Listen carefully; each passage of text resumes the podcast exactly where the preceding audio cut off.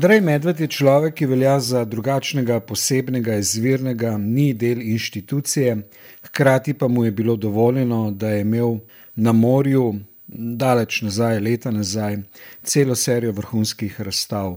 No, potem je tista velika eksplozija minila, pa so prišle druge, mnoge, mnoge druge razstave. Georga Bazdelica, recimo, je pripeljal v Slovenijo. No, Andrej Medved je tudi izvrsten pesnik. Ne spomnim se trenutno nobenega imena, ki bi ga upal postaviti ob bok njegovim pesniškim mostrovinam. Veliko pesniških zbirk je izdal, zadnje leta je še posebej plodovit, ploden, silovit, eksploziven. Ni veliko knjigarn, kjer lahko kupite njegove knjige, sploh ni več veliko knjigarn. Ne. Skratka, z Andrejem Medvedom smo se dobili v Ljubljani, v kavarni Lepti Cafe in tako je ne, v zelo prijetnem vzdušju nastal tokratni podcast, pogovarja se Franci Kapler. Pokrovitelj tega podcasta pa je založba Klobotec.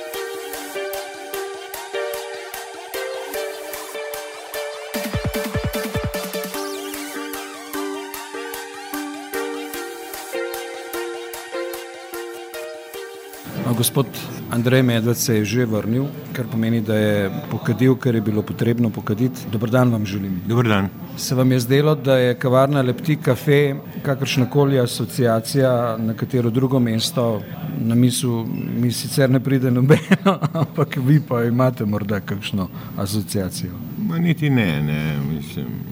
To je neka pariška oznaka za kar dobro kavarno, no kavarno bife v Ljubljani, ki pa je seveda, tu se dobivamo s prijatelji, ne? predvsem z kiparji, Jakovom Brdarjem in Mirsadom Begičem, s katerimi pravzaprav živim že skoraj 40 let.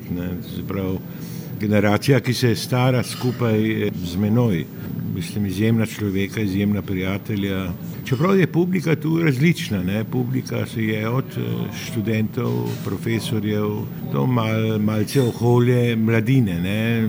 nekoliko s privzdignjenim nosom. Ampak dobro, to je pač vaba, ti kafe je vaba za, tudi za neko, kaj bi rekel, malo meščanščino. Ljudje sem radi pridejo. Ne. Oba umetnika, ki ste jo omenili kot svoja prijatelja, občasno tudi javno izpostavite kot izvrstna umetnika. Ja, jo tudi že vrsto let predlagam za preširno veliko nagrado. Dobro, Mirsat je bolj vezan na naročila, ima res Slovenijo posejano z skulpturami, ampak ustvarja tudi svoj, svojstven način skulpture, ki je trenutno recimo na ogled v Brežijskem muzeju. Jakov, Jakova naročila ne zanimajo, vedno ustvarja nove skulpture, neko čisto idejo, z, z izjemno vehemenco pripada tisto obdobje, ki ustvarja nova dela prav tej skulpturi, v duhovnem in čisto manualnem smislu. Pri njem je pravzaprav roka tista, ki se spremeni, poteza roke v drget mišice na telesu. Zbrav je sposoben oživeti, čeprav je to bronasta skulptura, ali pa v glini najprej oživeti skulpturo tako, da zaživi. Ne. A ona dva sta prav gotovo. No, jaz sem jih zdaj napisal en daljši esej za likovne besede. To je edina revija danes, ki še obstaja glede likovnega področja je bil Mars v moderni galeriji, pa je zamrl. Tudi sam sem ustanavljal revijo Artes, pa je išla samo ena številka, ampak likovne besede so prav gotovo mesto, kjer se da objavljati prav, neke kritične refleksije, neke razprave, celo eseje o sodobni umetnosti. No, in zadnjo obdobje, zadnjih desetih let, Jakove skulpture je prav v najnovejši številki. Vi ste človek, ki ogromno da od sebe, iz sebe ven. Čeprav sem lenuh. Resno mislite? Ja, jaz sem velik lenuh. Velik lenuh. Jaz lahko mesece lenarjem.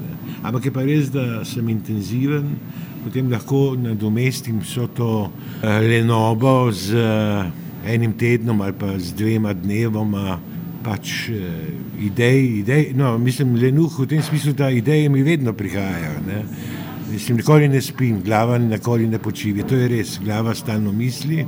In idej je na srečo še veliko, tako da si želim napisati tudi svojo 200. knjigo. Danes jih je slabih 90 pa je od tega kakšnih 80 poezije. Ali je to sploh ne, možno? Ne 80, ampak rad bi, da bi, da bi išla pri mojem, recimo 85 letu, če bom to doživel, stota knjiga poezije. Zdaj jih je napisanih, ne pa objavljenih, objavljenih je 36, napisanih je pa 50. Ja.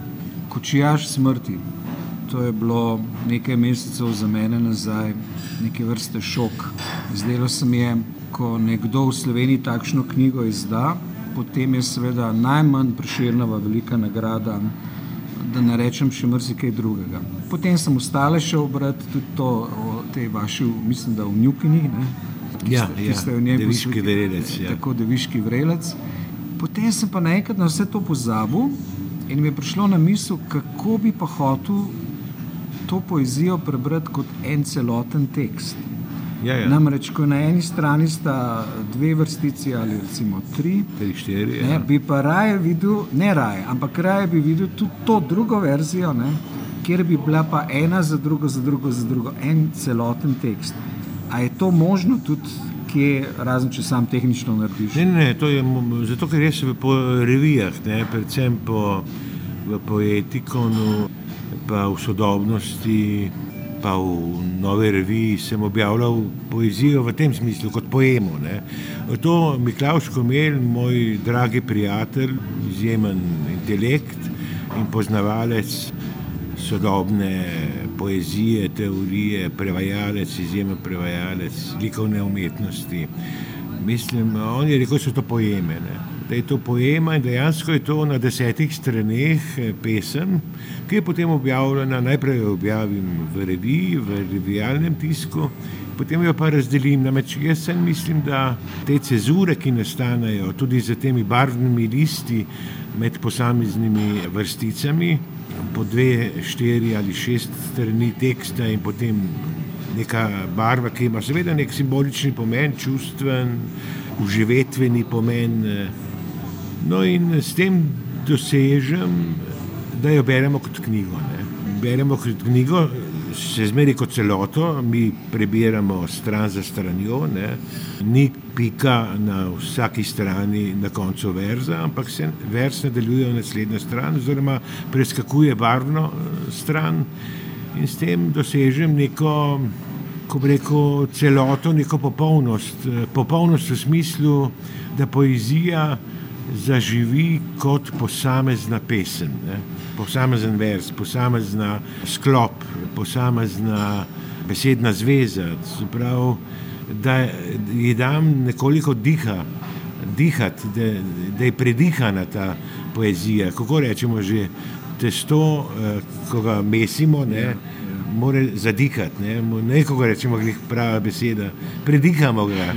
Ampak to je zaradi samega besedišča, ja, ja, te besede nujno potrebujejo prostor, prostor ker ja. so tako močne, ker je toliko pridevnikov, ker je toliko izvirnih besed, ja, ja. ker je toliko kombinacij, da če bi bilo to na nek način vse skupaj, vprašanje, kako bi bilo. Ne? Ja, močno je potem pre, premočno. Ja, no, ja. To bi bilo, ne? zato ja, ste ja. verjetno dal znarzen. Ampak pogledajte, imate še en moment, ki ga drugi pesniki niso znali narediti. Te knjige so estetsko izredno lepe. No, to je oblikovanje, to so prav te ožje variante, to so prav knjig, žepna knjižica, so variante m, mm, pač eh, oblikovalca. Ne? Oblikovalec. Eh, pa ste morali imeti nekaj tudi vi pri tem. Ne, ne, ne, ne. sam je oblikoval, ampak potem, ko se je pa razširila ta, ta stranica v širino, ko je bilo 16-19 cm, sem pa jaz oblikoval te širše variante. Tako da, ampak vendarle participirajo, bi rekel, na tej osnovni oblikovalski eh, inačici. Ne.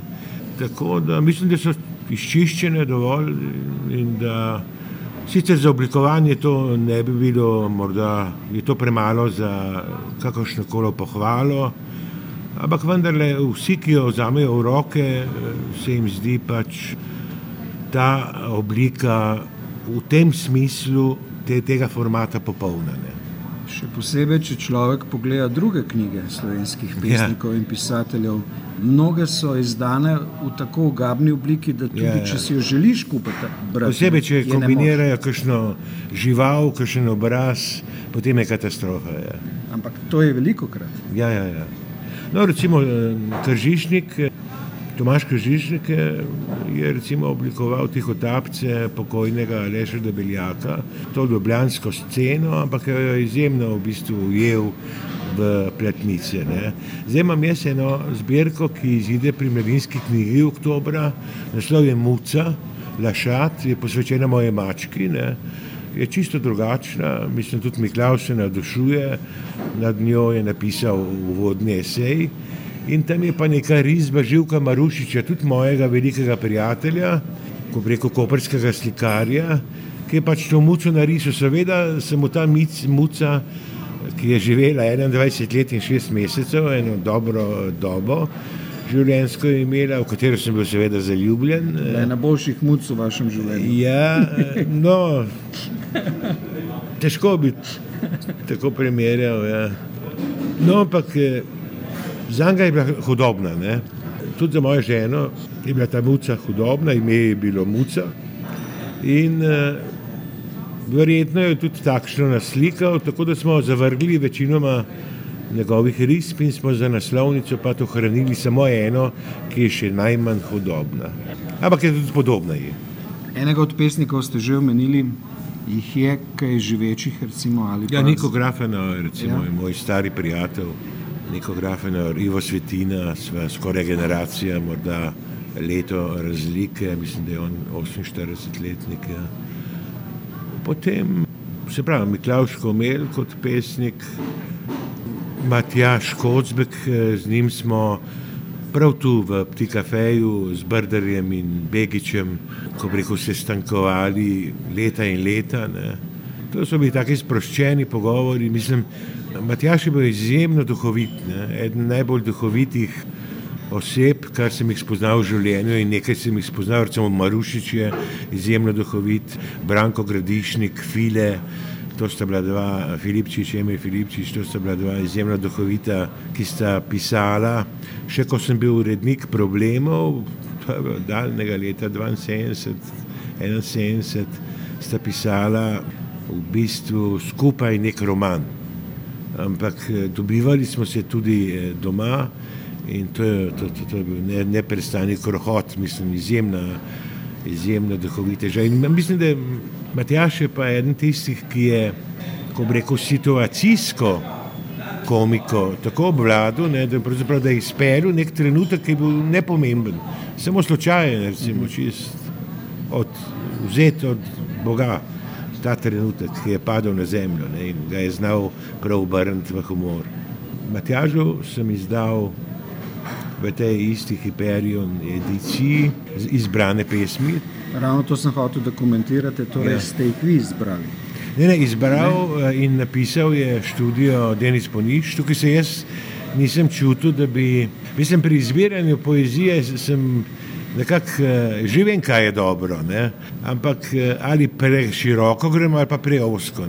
Mislim, da je tukaj Denis je tisti občutljivež, ki tudi znanstvenik, seveda, ki zna prisluhniti enemu opusu, ne? poeziji in res izjemno to naredil. Jaz sem napisal samo kratko pismo, dolgo slovo in uvodni tekst na pletnice. Igor, fotograf Modic, je dodal izjemno fotografijo, ker smo vsi trije, se pravi Mirsat, Jakov in pa Matjaš in jaz.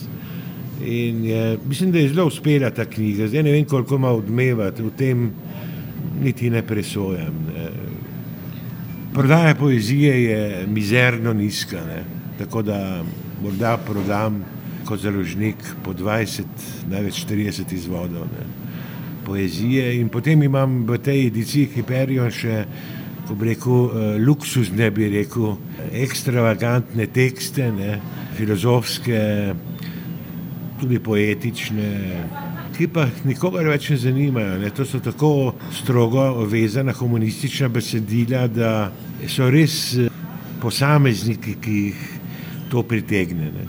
Založba tako rekoč propada, zdaj čakam samo na ministrstvo, je zavrnilo, eh, mislim, preko javne agencije za knjige, oziroma samostojna javna agencija za knjige, je zavrnilo vse male založnike, tudi Apokalipso, tudi Studio Humanitatis, tudi Hišo poezije. In v bistvu čakamo od ministrstva, da tu reagira. Oglobili so, da ali bo to konec teh založb in to bo ena velika jama v slovenski humanistiki ali pa bo se kaj popravilo. Ne? Jaz sem večni optimist, upam, da bo šlo na bolje. Matjaža Kocbeka sem nekaj malega poznal. Meni se je zdelo takrat, da sta dva problema. Jaz sem vse čas mislil na njegovega očeta. Ja, ja. Po drugi strani sem imel pa občutek, da on kot da beži. Blazno je bil v tistih srečenih parih, ki sem jih imel z njim na poskok, če tako rečem, izredno gibljiv. Ja. Se mi je zdelo, kot da je neočakan, da bi bil druge. In vse čas karkoli je že bilo, je govoril o Grčiji in tako naprej, ja, ja. o Kreti. Kreti ja. In sem potem, ko je tako žalostno umrl, vsaj za mene je bila to tako žalostna štorija, sem mislil, da se je bežal pred tem, kar se je potem zgodilo. A je on dlje časa vedel, da se to lahko zgodi, ali kako je to bilo? Ne zdaj bežal, oni lahko hitro odhajajo. Ampak to je bila ena druga nervoza, to je bila tudi v zvezi z kaj bi rekel, tudi zaradi z alkoholom. No. Bil pa je neočakan, ja, tudi v slikarstvu. Ne. Jaz sem mu tudi pripravil razstavo dve, tudi v obaljnih galerijah slikarskih del, ampak tam je bil svojstven, ne. on je bil kot amater. Veliko se je naučil od Freda oziroma Franceta Grudna, ki je tudi žalostno končal. Mislim ki je bil sicer proizvajalec barv, ne? on je bil kemik, ampak je imel tudi eno slikarsko posebno izraznost in še bolj poseben divji, fov, bi rekel, rustikalen je bil Matjaš v slikarstvu. Ne? Mal grobo, mal nerodno, mal kot ta recimo gotika na slovenskem, ki je bila ustvarjena ne od velikih mojstrov, ampak od podeželskih pač slikarjev. Mislite, da deluje malo okorno. Ne? Malo okorno, ja. Malo Ampak je vseeno krasno. Ne, je bilo pa izvirno. Ja. Ja. Se pa to ni nič eh, škodilo. Dobro, in izjemen, ko bi rekel, zaljubljenec, mi dva smo bila skupaj v Ameriki z njegovim sinom Pavletom in v bistvu sta naj vodila skupaj z mojo ženo na vse te točke, kjer se je karkoli slikarskega ali pa umetniškega dogajalo. Ne. Bil je res zaljubljen tudi v Grčijo, v Kreto je šel večkrat, tudi po več mesecev. In tudi moja, ena, ena od zbirk, ki še ni objavljena, Kriti Samos, oziroma Kreta Samos, je posvečena njemu, ne? ker Kreta to je za me Matjaš Kozbek. Veliko primerov je, kjer ljudje umetniško umrejo zelo zgodaj, mladi ali v srednjih let. Vi ste mi omenjali, mislim, da enkrat ali dvakrat, da ste upokojeni, pa v ja. intervjujih to poveste. Po drugi strani se mi pa zdi res, da, da ste prava umetniška eksplozija, zadnje pesniške zbirke, še posebej pa recimo esej, ki ste ga objavili v katalogu razstavi v Pilonovi galeriji.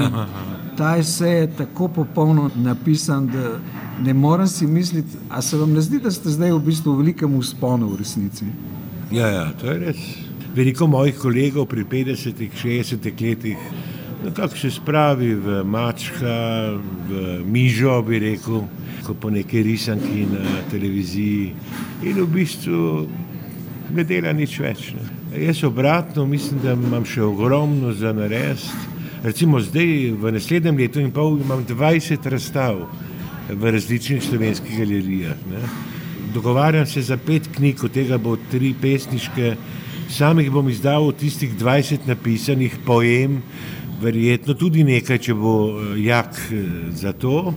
Tako da mislim, zdaj, ker sem bil na Bledu, ker je ta počitniška hišica Društva slovenskih pisateljev, tja hodimo že 36 let.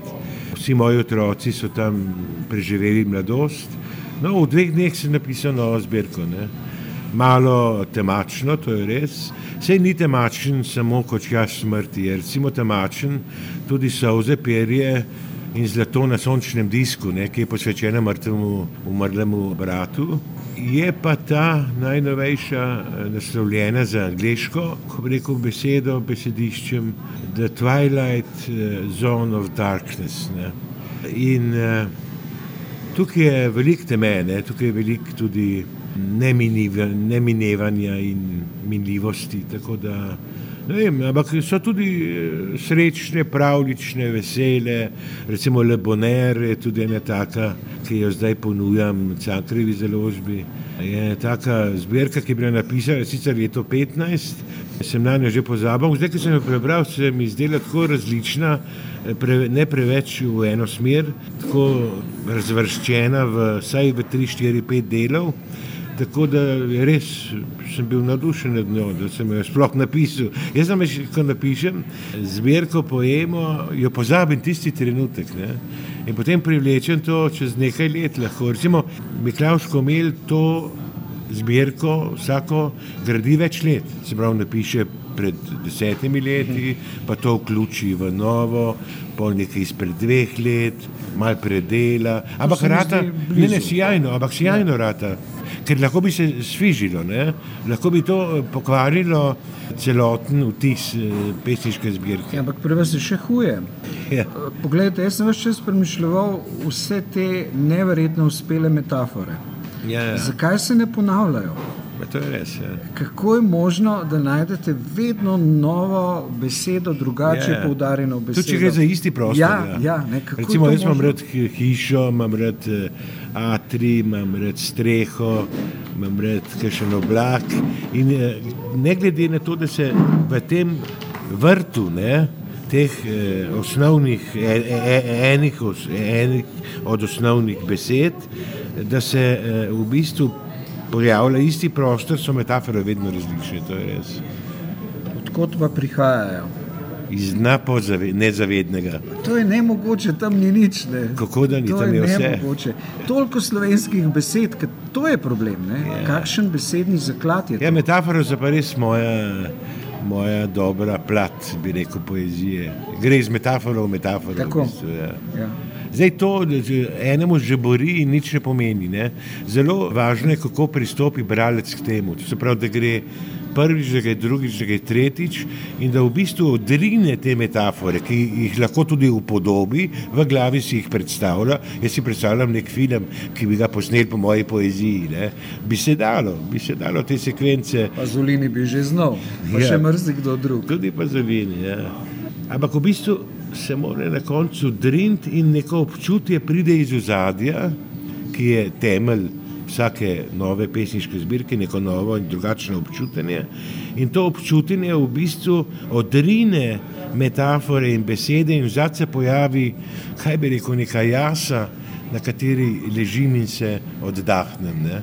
Jaz tako si predstavljam eh, dobrega bralca, da v bistvu s to intenzivnostjo branja pride v srž, v ozadje, ne, v background poezije. Sem tam je samo belina, je samo jasa.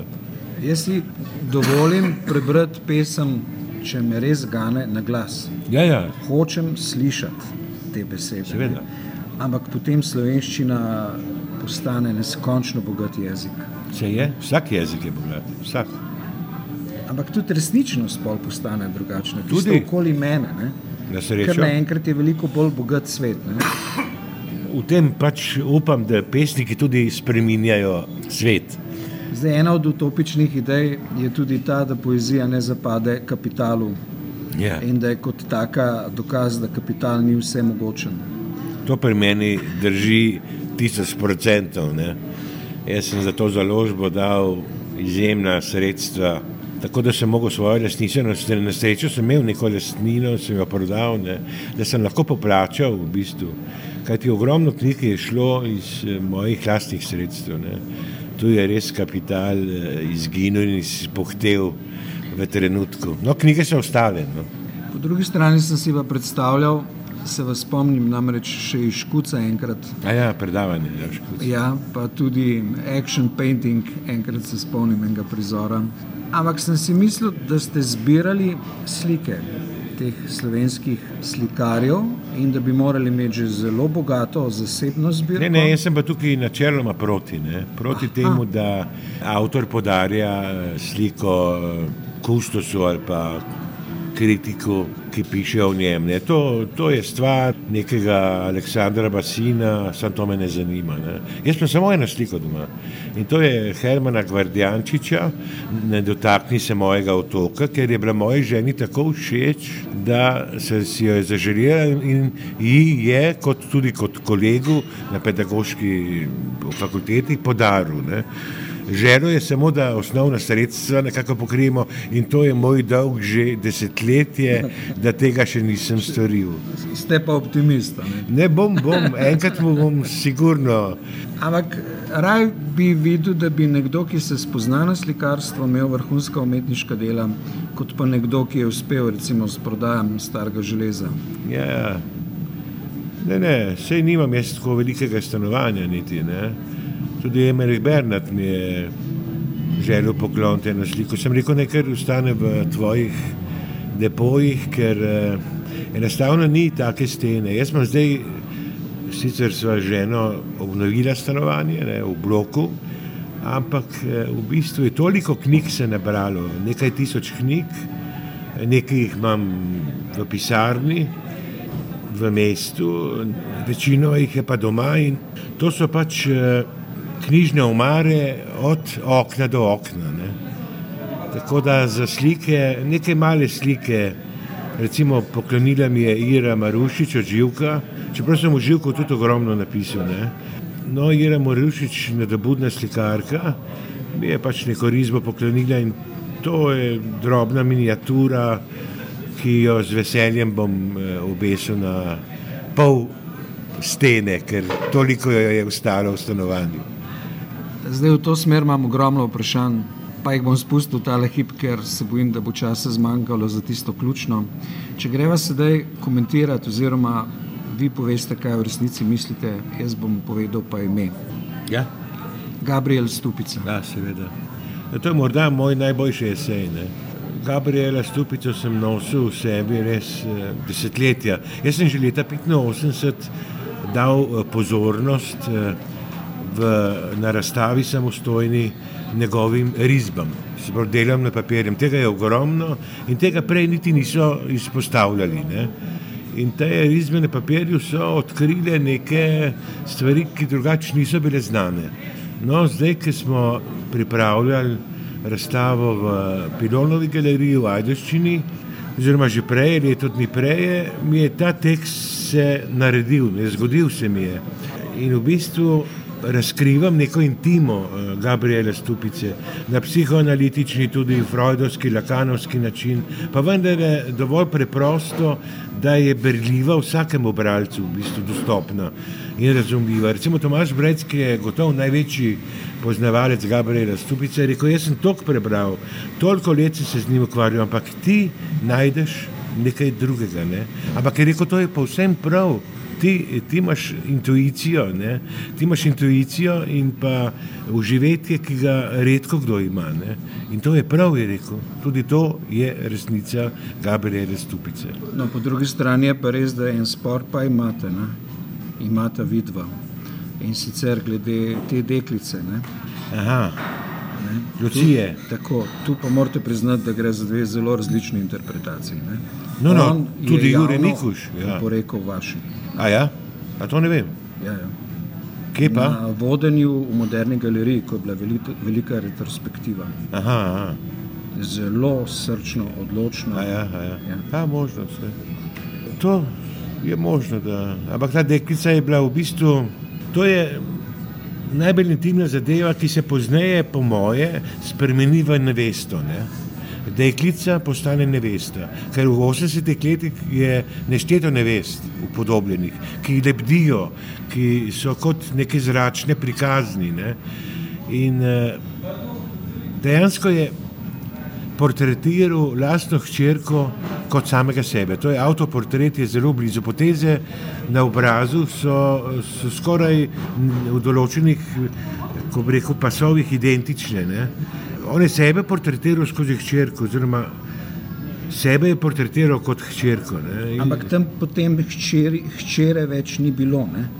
Je bila motiv, ki ga je on razvijal. Že, ampak to je čisti ekshibicionizem. Ne? On je dal na uh, svojo hčerko na pogled, na lakanovski pogled, tisti, ki ni eh, zavidno površino očesno, tisti, ki ni za mrežnico, tisti, ki ni dano samo v videnje, ampak pogledanje. Zato jaz uporabljam besedo upodobitev kot upogleditev. Ne?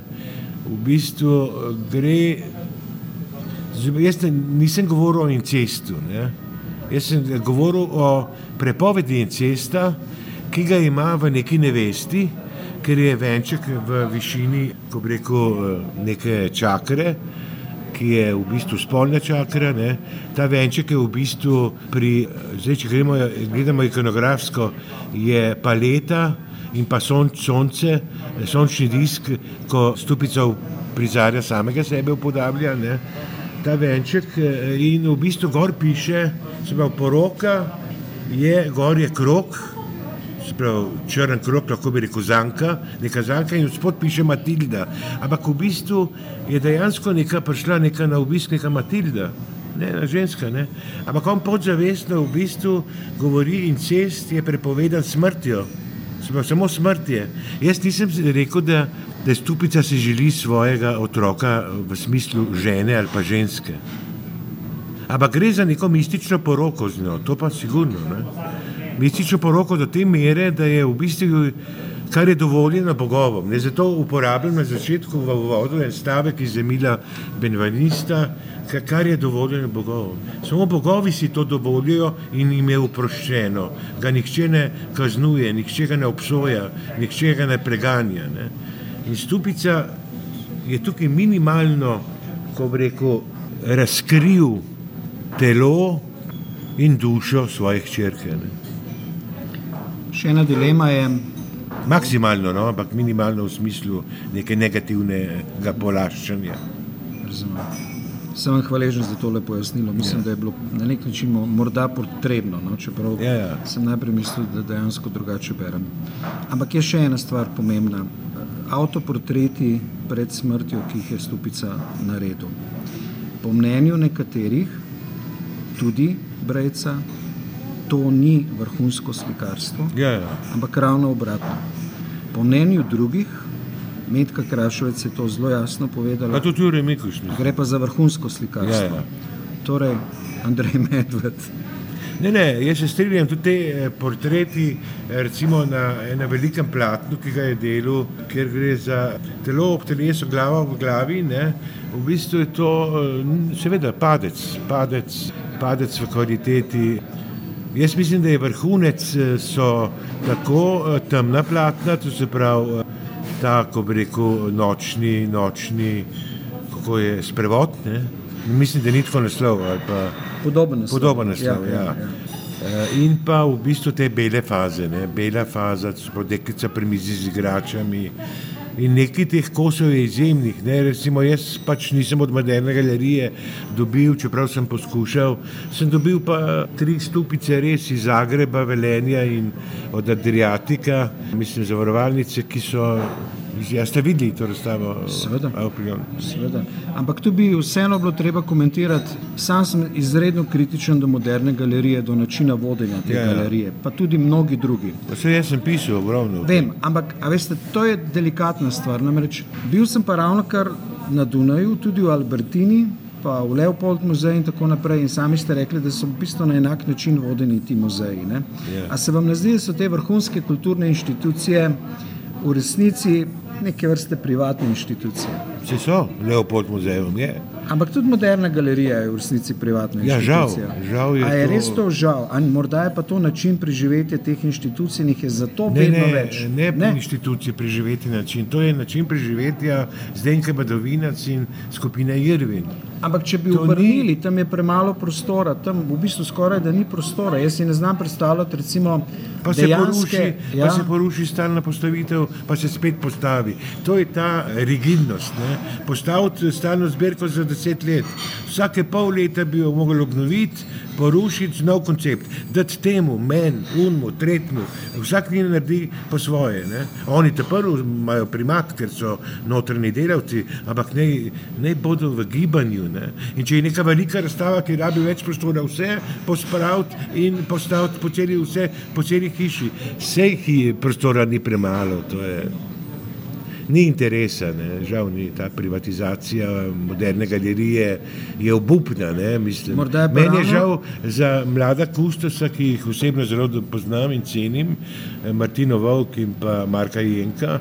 Marko Jenka je mislim, izjemen intelekt, ne? ki se tam podreja, on se mora tam podrejati nekemu, vse je naredil Šuštaršiča, mislim, ki je izjemno ga naredil, ne? pa niti katalog ni šel, niti knjiga ni bila v. Ampak rekli ste, ni interesa. Meni se pa zdi, da je ravno interes tisti. Pa je gre za zelo velike vsote denarja v zadnjih letih, kar je Slovenija recimo samostojna, za točno določeno skupino umetnikov. Kdo je zdaj? Država Irvin, Irvin, Irvin. Kdo je daje da denar? Denar daje Ministrstvo za kulturo ne, ne, ne, na različne ne. oblike. Ne, ne, ne. ne? To sploh ni res. Ministrstvo je pipo zaprlo tudi pri moderni galeriji. Ne. Oni niso sposobni, zdaj delajo, recimo Martina Vovka, Andraža Šala. To je dobra zgodba v resnici, ne? čeprav je lahko napačna. Ne? No, pa še ne gre za denar. Ne gre za to, da dober katalog stiska, to pa lahko z zunanjimi sredstvi, s tujimi, s tujimi eh, založniki. To je ni problem. Mislim, Irvin in Lajbah in Noe Sloveniški kunst lahko kadarkoli tiska debelo monografijo. Ne? Mislim, ni to problem. Razstave eh, so problem, postavitev je problem. Mislim, poudarki v postavitvi so. Mislim, Tomaš Brejc se je sicer strinjal s to postavitvijo, jaz ne. Recimo slikarstvo je do leta 1992, ma mi smo 2016. Kje so mladi slikari, kje so druge generacije, srednje generacije, kje so 20-letniki? Zakaj se ba 20-letnikov? Takoj, ko pride in če imaš nos, pravi nos, seveda, če ne zgrešiš, če ne šajtraš, šajter je lepa beseda, ne? ko zgubiš v bistvu strugo in uh, v bistvu jih predstaviti. Recimo, jaz sem tako naredil eno razstavo uh, osem mladih slikark. Recimo, tam je ena izjemna uh, Suzana Brborovič, ki je zdaj v Leipzigu uspela izjemno ne? na podiplomskem študiju. Leipzig je eno od svetovnih središč novega slikarstva. Slikarstvo se zopet vrača. Ne? Jaz sem to vedno trdo, malo dolgo je trajalo, sicer ne?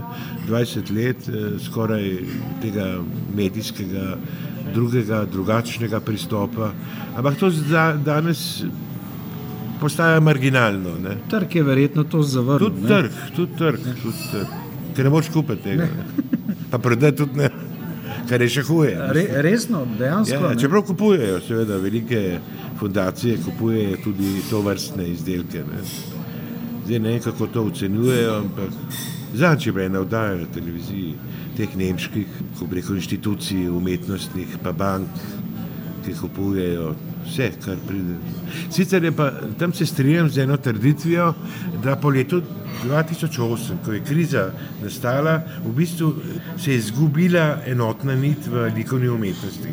Ni več enega pojava, ni več enega gibanja, ni več smeri, bi rekel, ki je uveljavljena, recimo kot kubizem, kot abstraktna umetnost, karkoli že ekspresionizem, ampak v bistvu je nešteto pristopov. Ne. Kar se je v filozofiji recimo že zdavno zgodilo. Samo, no, od začetka, ja, od začetka ja. Gospod Medved, Zoran Mušič. Zoran Mušič, ja. Zoran Mušič, te bom pa tako eno sakrilečo povedal, eno sramotilno zadevo. Meni niso najpomembnejši konički. Ne? Konički so všečni, so kot ena torta, ki jo poližeš, tako je dobra, mislim, do kozarca, do dna kozarca. So všečni, tako da so odlični in so tudi iznajdba, gotovo. Njegova.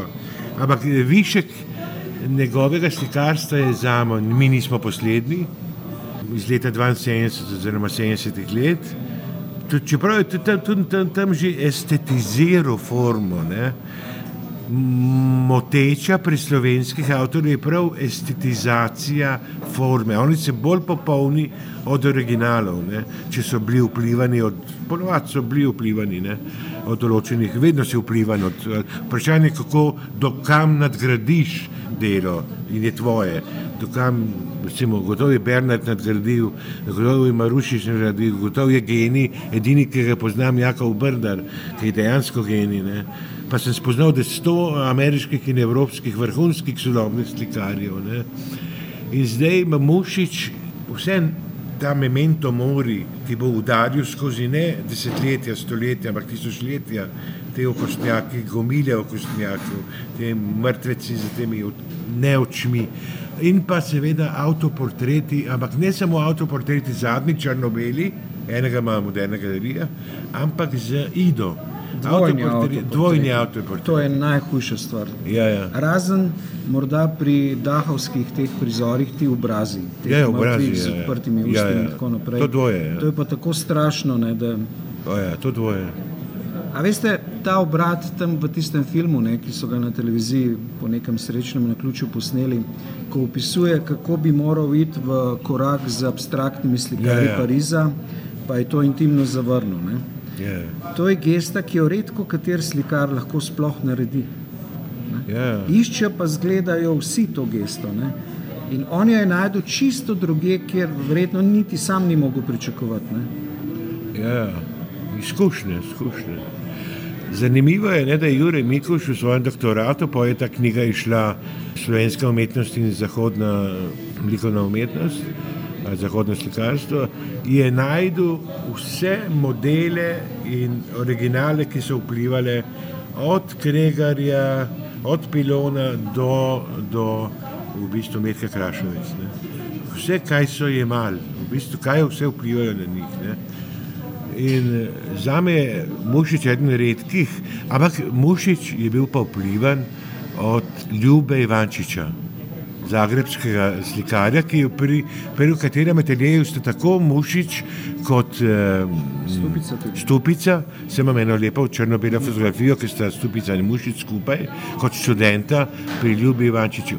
In določeno obdobje Ljubi Ivančiča obrazi so identični z Stupčevimi najboljšimi rekel, obrazi avtoportrejev in tako dalje. Še dve meni bi rad, da komentirate. Čeprav v Stupici in Mušiču bi se ure in ure ja. pogovarjal. Eno ime je Janez Bernik. Osebno imam izredno pozitivno mnenje o njem. Vem pa, da je v nekem trenutku bilo negativno mnenje tako močno, da je prav je zaradi tega enostavno šel iz javnosti ven. Ampak kaj vi mislite? No, upam, da ni zaradi mene odšel. Ne, pa je, je bil povod nek zapis v delu, ki je bil uničujoč. Ampak ne več od nekoga. Ja, jaz sem tudi delal nekaj, ja, dobro. Ne vem, ja.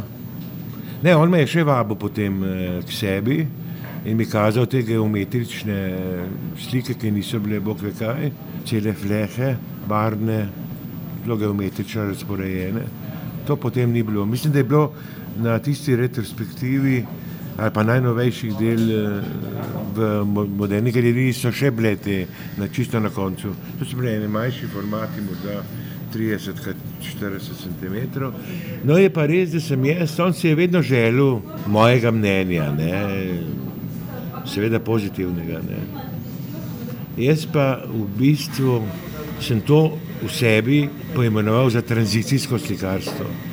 Tranzicijsko zato, ker je temeljilo na enem tapjesu, recimo, ki je bil za Slovence izredno pomemben. ki je bil seveda izjemno pomemben, tudi za druge.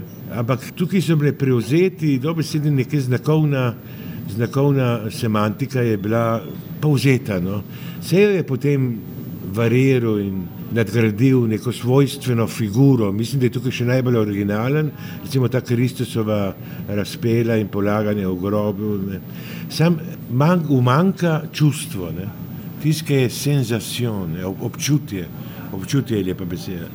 Pravi, to trpljenje, ne, ta kalvarija Kristusova, sploh je ne doživiš. Je izjemna risba, izjemna risarje, esteticist, skrajni perfekcionist. Sam to je premalo. Ne. Še marsikdo je perfekcionist v risbi, pa pove lahko veliko ali nič. Ne. Sama risba je še premalo. Jaz sem imel enega mladega slika, slikarja v Kopru, ki sem mu tudi naredil sliko, pač se je z drogo ukvarjal zato je umrl pred 33 leti, Tomaš Perko, izjemen risar, izjemen, sem ni imel svoje teme, ni imel teme. Medtem ko Bernik je imel svojo temo, sam jo ni znal napolniti z dušo. Kvečem, če ti misliš, da je duševna že sama forma. Tudi to je možno. Zakaj pa ne? Tudi forma te v bistvu useka globoko v dušo. Sam za me je bilo to premalo. No. Valentin Oman.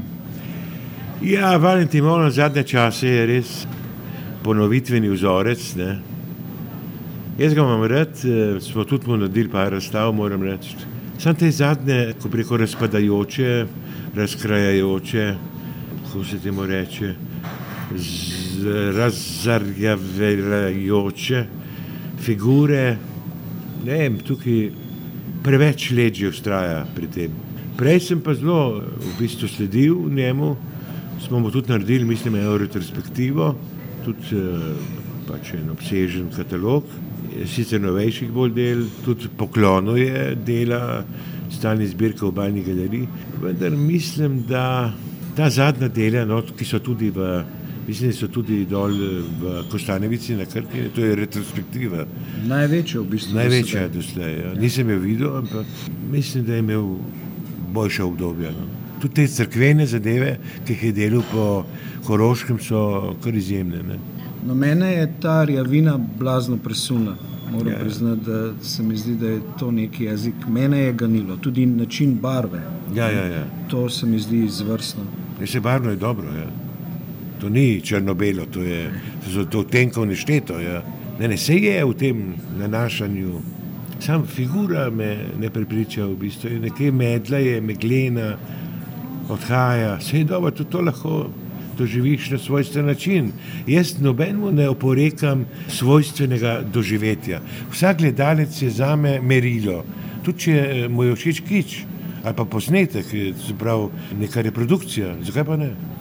Mislim, ti lahko uživaš, užitek ni vezan na original.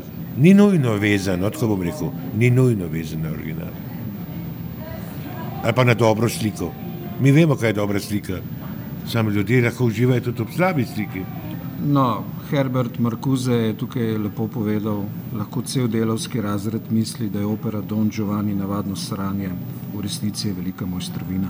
Ja, čeprav tukaj malo ponižal delovski razred, ni bilo potrebno največ.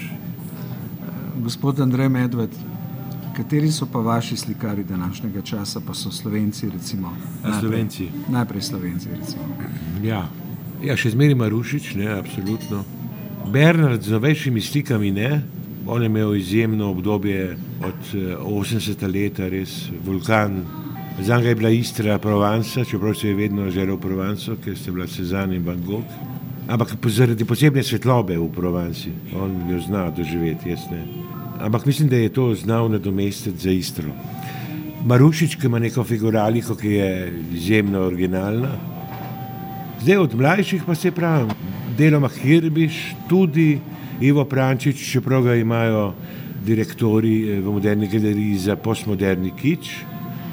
Sam Prančič se razvija, ima eno poseben smisel za barvo, ne morda toliko za rizmo, ampak za barvo. In uh, te mlajši, se pravi, Mira Marušič, Nika Zopančič, Parižanka, ki bo zdaj razstavljala te dni v Parizu.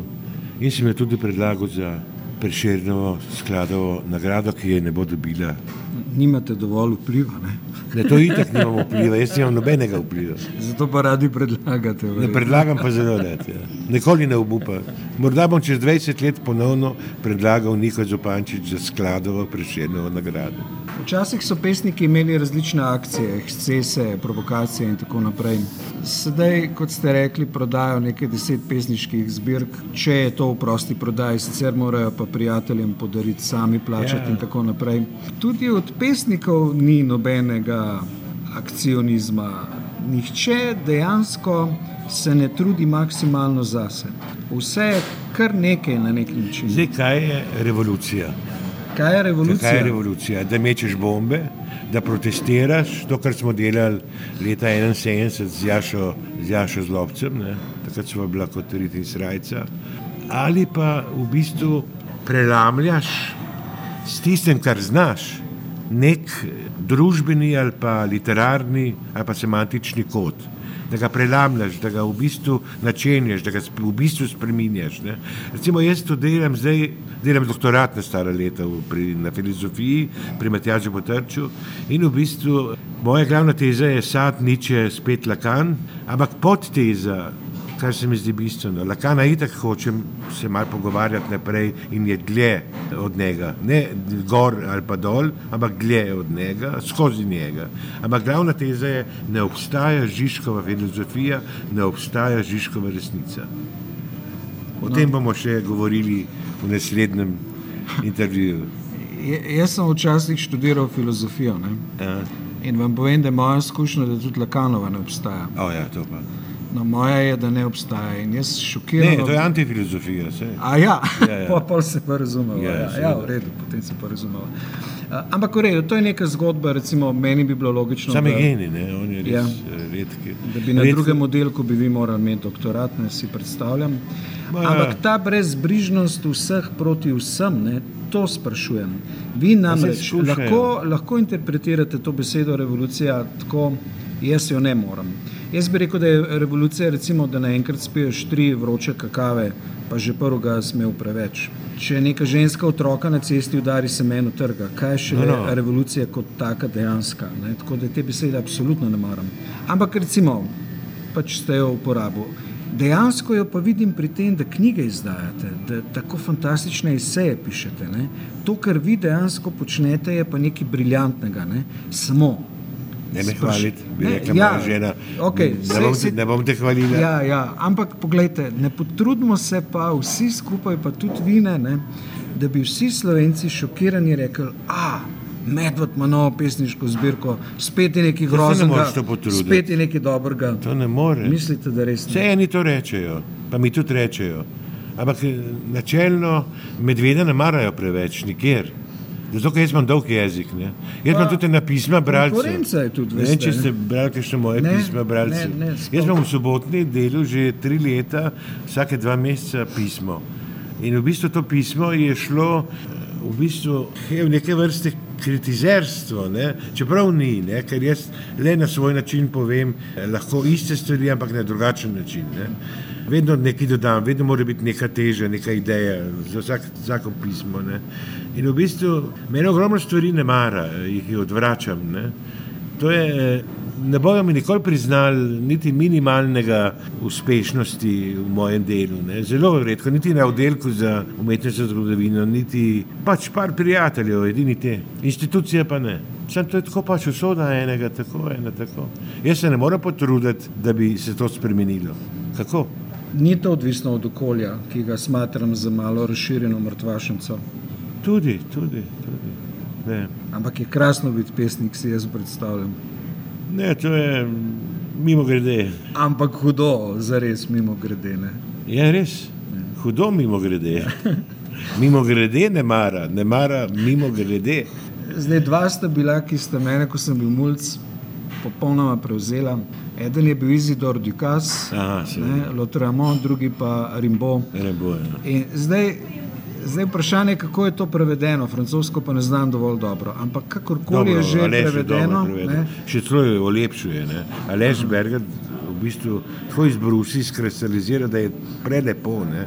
ampak zna, zna seveda, Lotremon je dober. Rembo je bil pa od uh, Andreja, no, tega ima. Ima, ja. ja.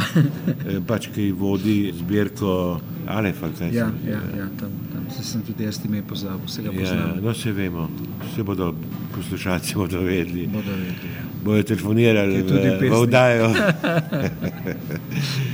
Boš dubo na koncu telefon. Ja.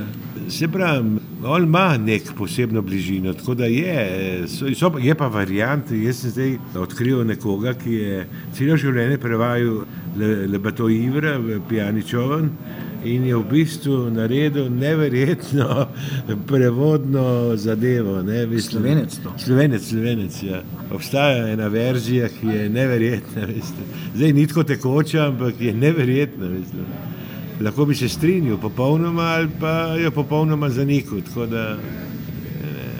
Zakaj ne greste sami ali še s kom po Sloveniji, po lokalih in nastopate? Ne, ne, ne, to sem pa proti temu. Resno mislite? Še šole, ne, ne, ne. ne še šole. Ne. Ne, ne. Jaz sem dober govorc. Ne. Recimo, ko otvarjam razstave, pravijo, da je pač to za užitek, za poslušati. Pa tudi dovolj. Ni, nisem, nisem pa morda dober. Jaz sem tudi, recimo, zdaj sem imel pri Matjažu, potrčil sem imel predavanja. Ne. Predavanja Prav, na oddelku za aha. filozofijo, na mesto izpitev. To so mi šli tako na roko, da vse izpite imam deset, ampak niti enega nisem obiskoval ne predavanja drugega, sem pač imel jaz te predavanja. No in eh, to znam, to se pravi ekstat katedra, to mi je bližje. Ne. Zdaj, tam je pa le potreben nek, vse eh, se uživim, jaz tudi otroke, jaz sem vodil po razstavah tudi otroke stare 8 let. Ne. In me je to blizu, ta različna govorica za različne eh, starostne pač osebe. Ampak, eh, mislim, tisti dialog eh, na teh šolskih, jaz ne vem, kako bi, jaz znam, eh, ko nastopam, dobro brati svojo poezijo. Sam ne vem, če bi pri temi študenti ali otroci, vse sem parkrat nastopil, sam ne vem, no. nisem tukaj glih doma. No, se pravi, da človek pozna svoje meje. Ja. Kako je z vašimi potovanji? Glede na to, kako in kaj pišete, si jaz predstavljam. Afrika spet. Ne, Francija v resnici. Ja, Francijo gremo itak vsako leto za par dni. Francija ni problem. Rim sem hodil 10 let, 20 let, vsak leto, zdaj že nekaj let. Ne. Grem na Kreto, tretjič, in se bom spomnil Matjaža, grem v Mauretanijo, ker je tam 99% puščava in puščava je za me največja lepota. Jaz sem v Afriki in Libiji, dveh zbirkah sem opisal to lepoto puščave.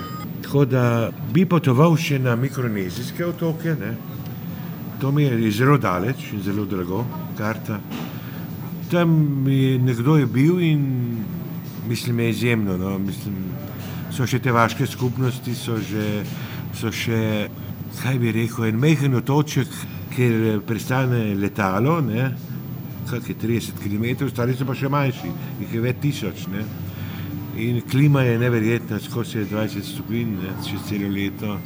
Potem me pa čaka še Kuba, to je pa predlagala žena, da greva enkrat po zimi na Kubo za dva meseca. Najbolje, da je to kar ta prva zima. Ne, ne, ne, ne bo prva, ni, ne bo ni denarja. Več, pravi Kube. ne, ne, tako hitro ne bo šlo, po moje. Ampak še Mehika, mene Mehika neverjetno privlači. Imam že tudi naslov za zbirko pesmi Mehika, čeprav je to od od našega pisatelja, ki je tudi napisal roman Mehika. Ampak mislim, da je tam neko občutje, ki ga samo zaznam, moram imeti. Ja. Andrej Medved, a vi sploh poslušate glasbo? Ja, ja ogromno poslušam glasbo, klasično, žal manj, pač na Arte, kar dobim eh, pač na, na tretjem programu, na, na radiju drugače poslušam vso glasbo. No. Ne hodite po pevkah. Ne, ne, jaz ljubim popevke, to je ena redkih in bom napisal knjigo s to popevko. Vsake popevke bom imel kratek esej. No, slovenska popevka je vrhunec, tako kot šanson ali kancona, to definitivno je res. Ne, ne, so dobri, absolutno. To te skupine, dan D, jaz sem še zmeraj zagovornik, seveda si darte, no pa tudi te novejše. No. Ne, ne, sledim si. Ste, ste pa vseeno vedno vedeli, ne, da so stonsi boljši od bitlov? Ne, najboljši bi si bila animalci. No, to je pa zanimiv odgovor. ja, Andrej Medved, samo še tole, letošnje leto, to je leto 2016. Do Božiča vas čaka kaj še?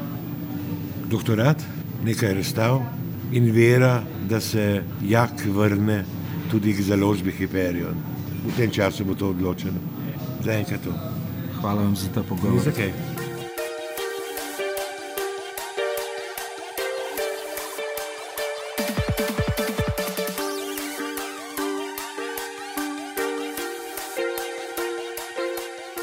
Poslušali ste podcast Pogovarja se Franci Kapler. Tokrat sem imel v gosteh pesnika, mojstra filozofije, likovne teorije Andreja Medveda. Andrej Medved bi lahko povedal veliko čisto drugih drugačnih stvari. Pogovor je šel v svojo smer, na svoj način, je pa povedal nekaj osebnih stališč, tudi recimo o slikarjih, ki so meni zelo ljubi. Tokratni podcast je nastal pod pokroviteljstvom založbe Klopotec.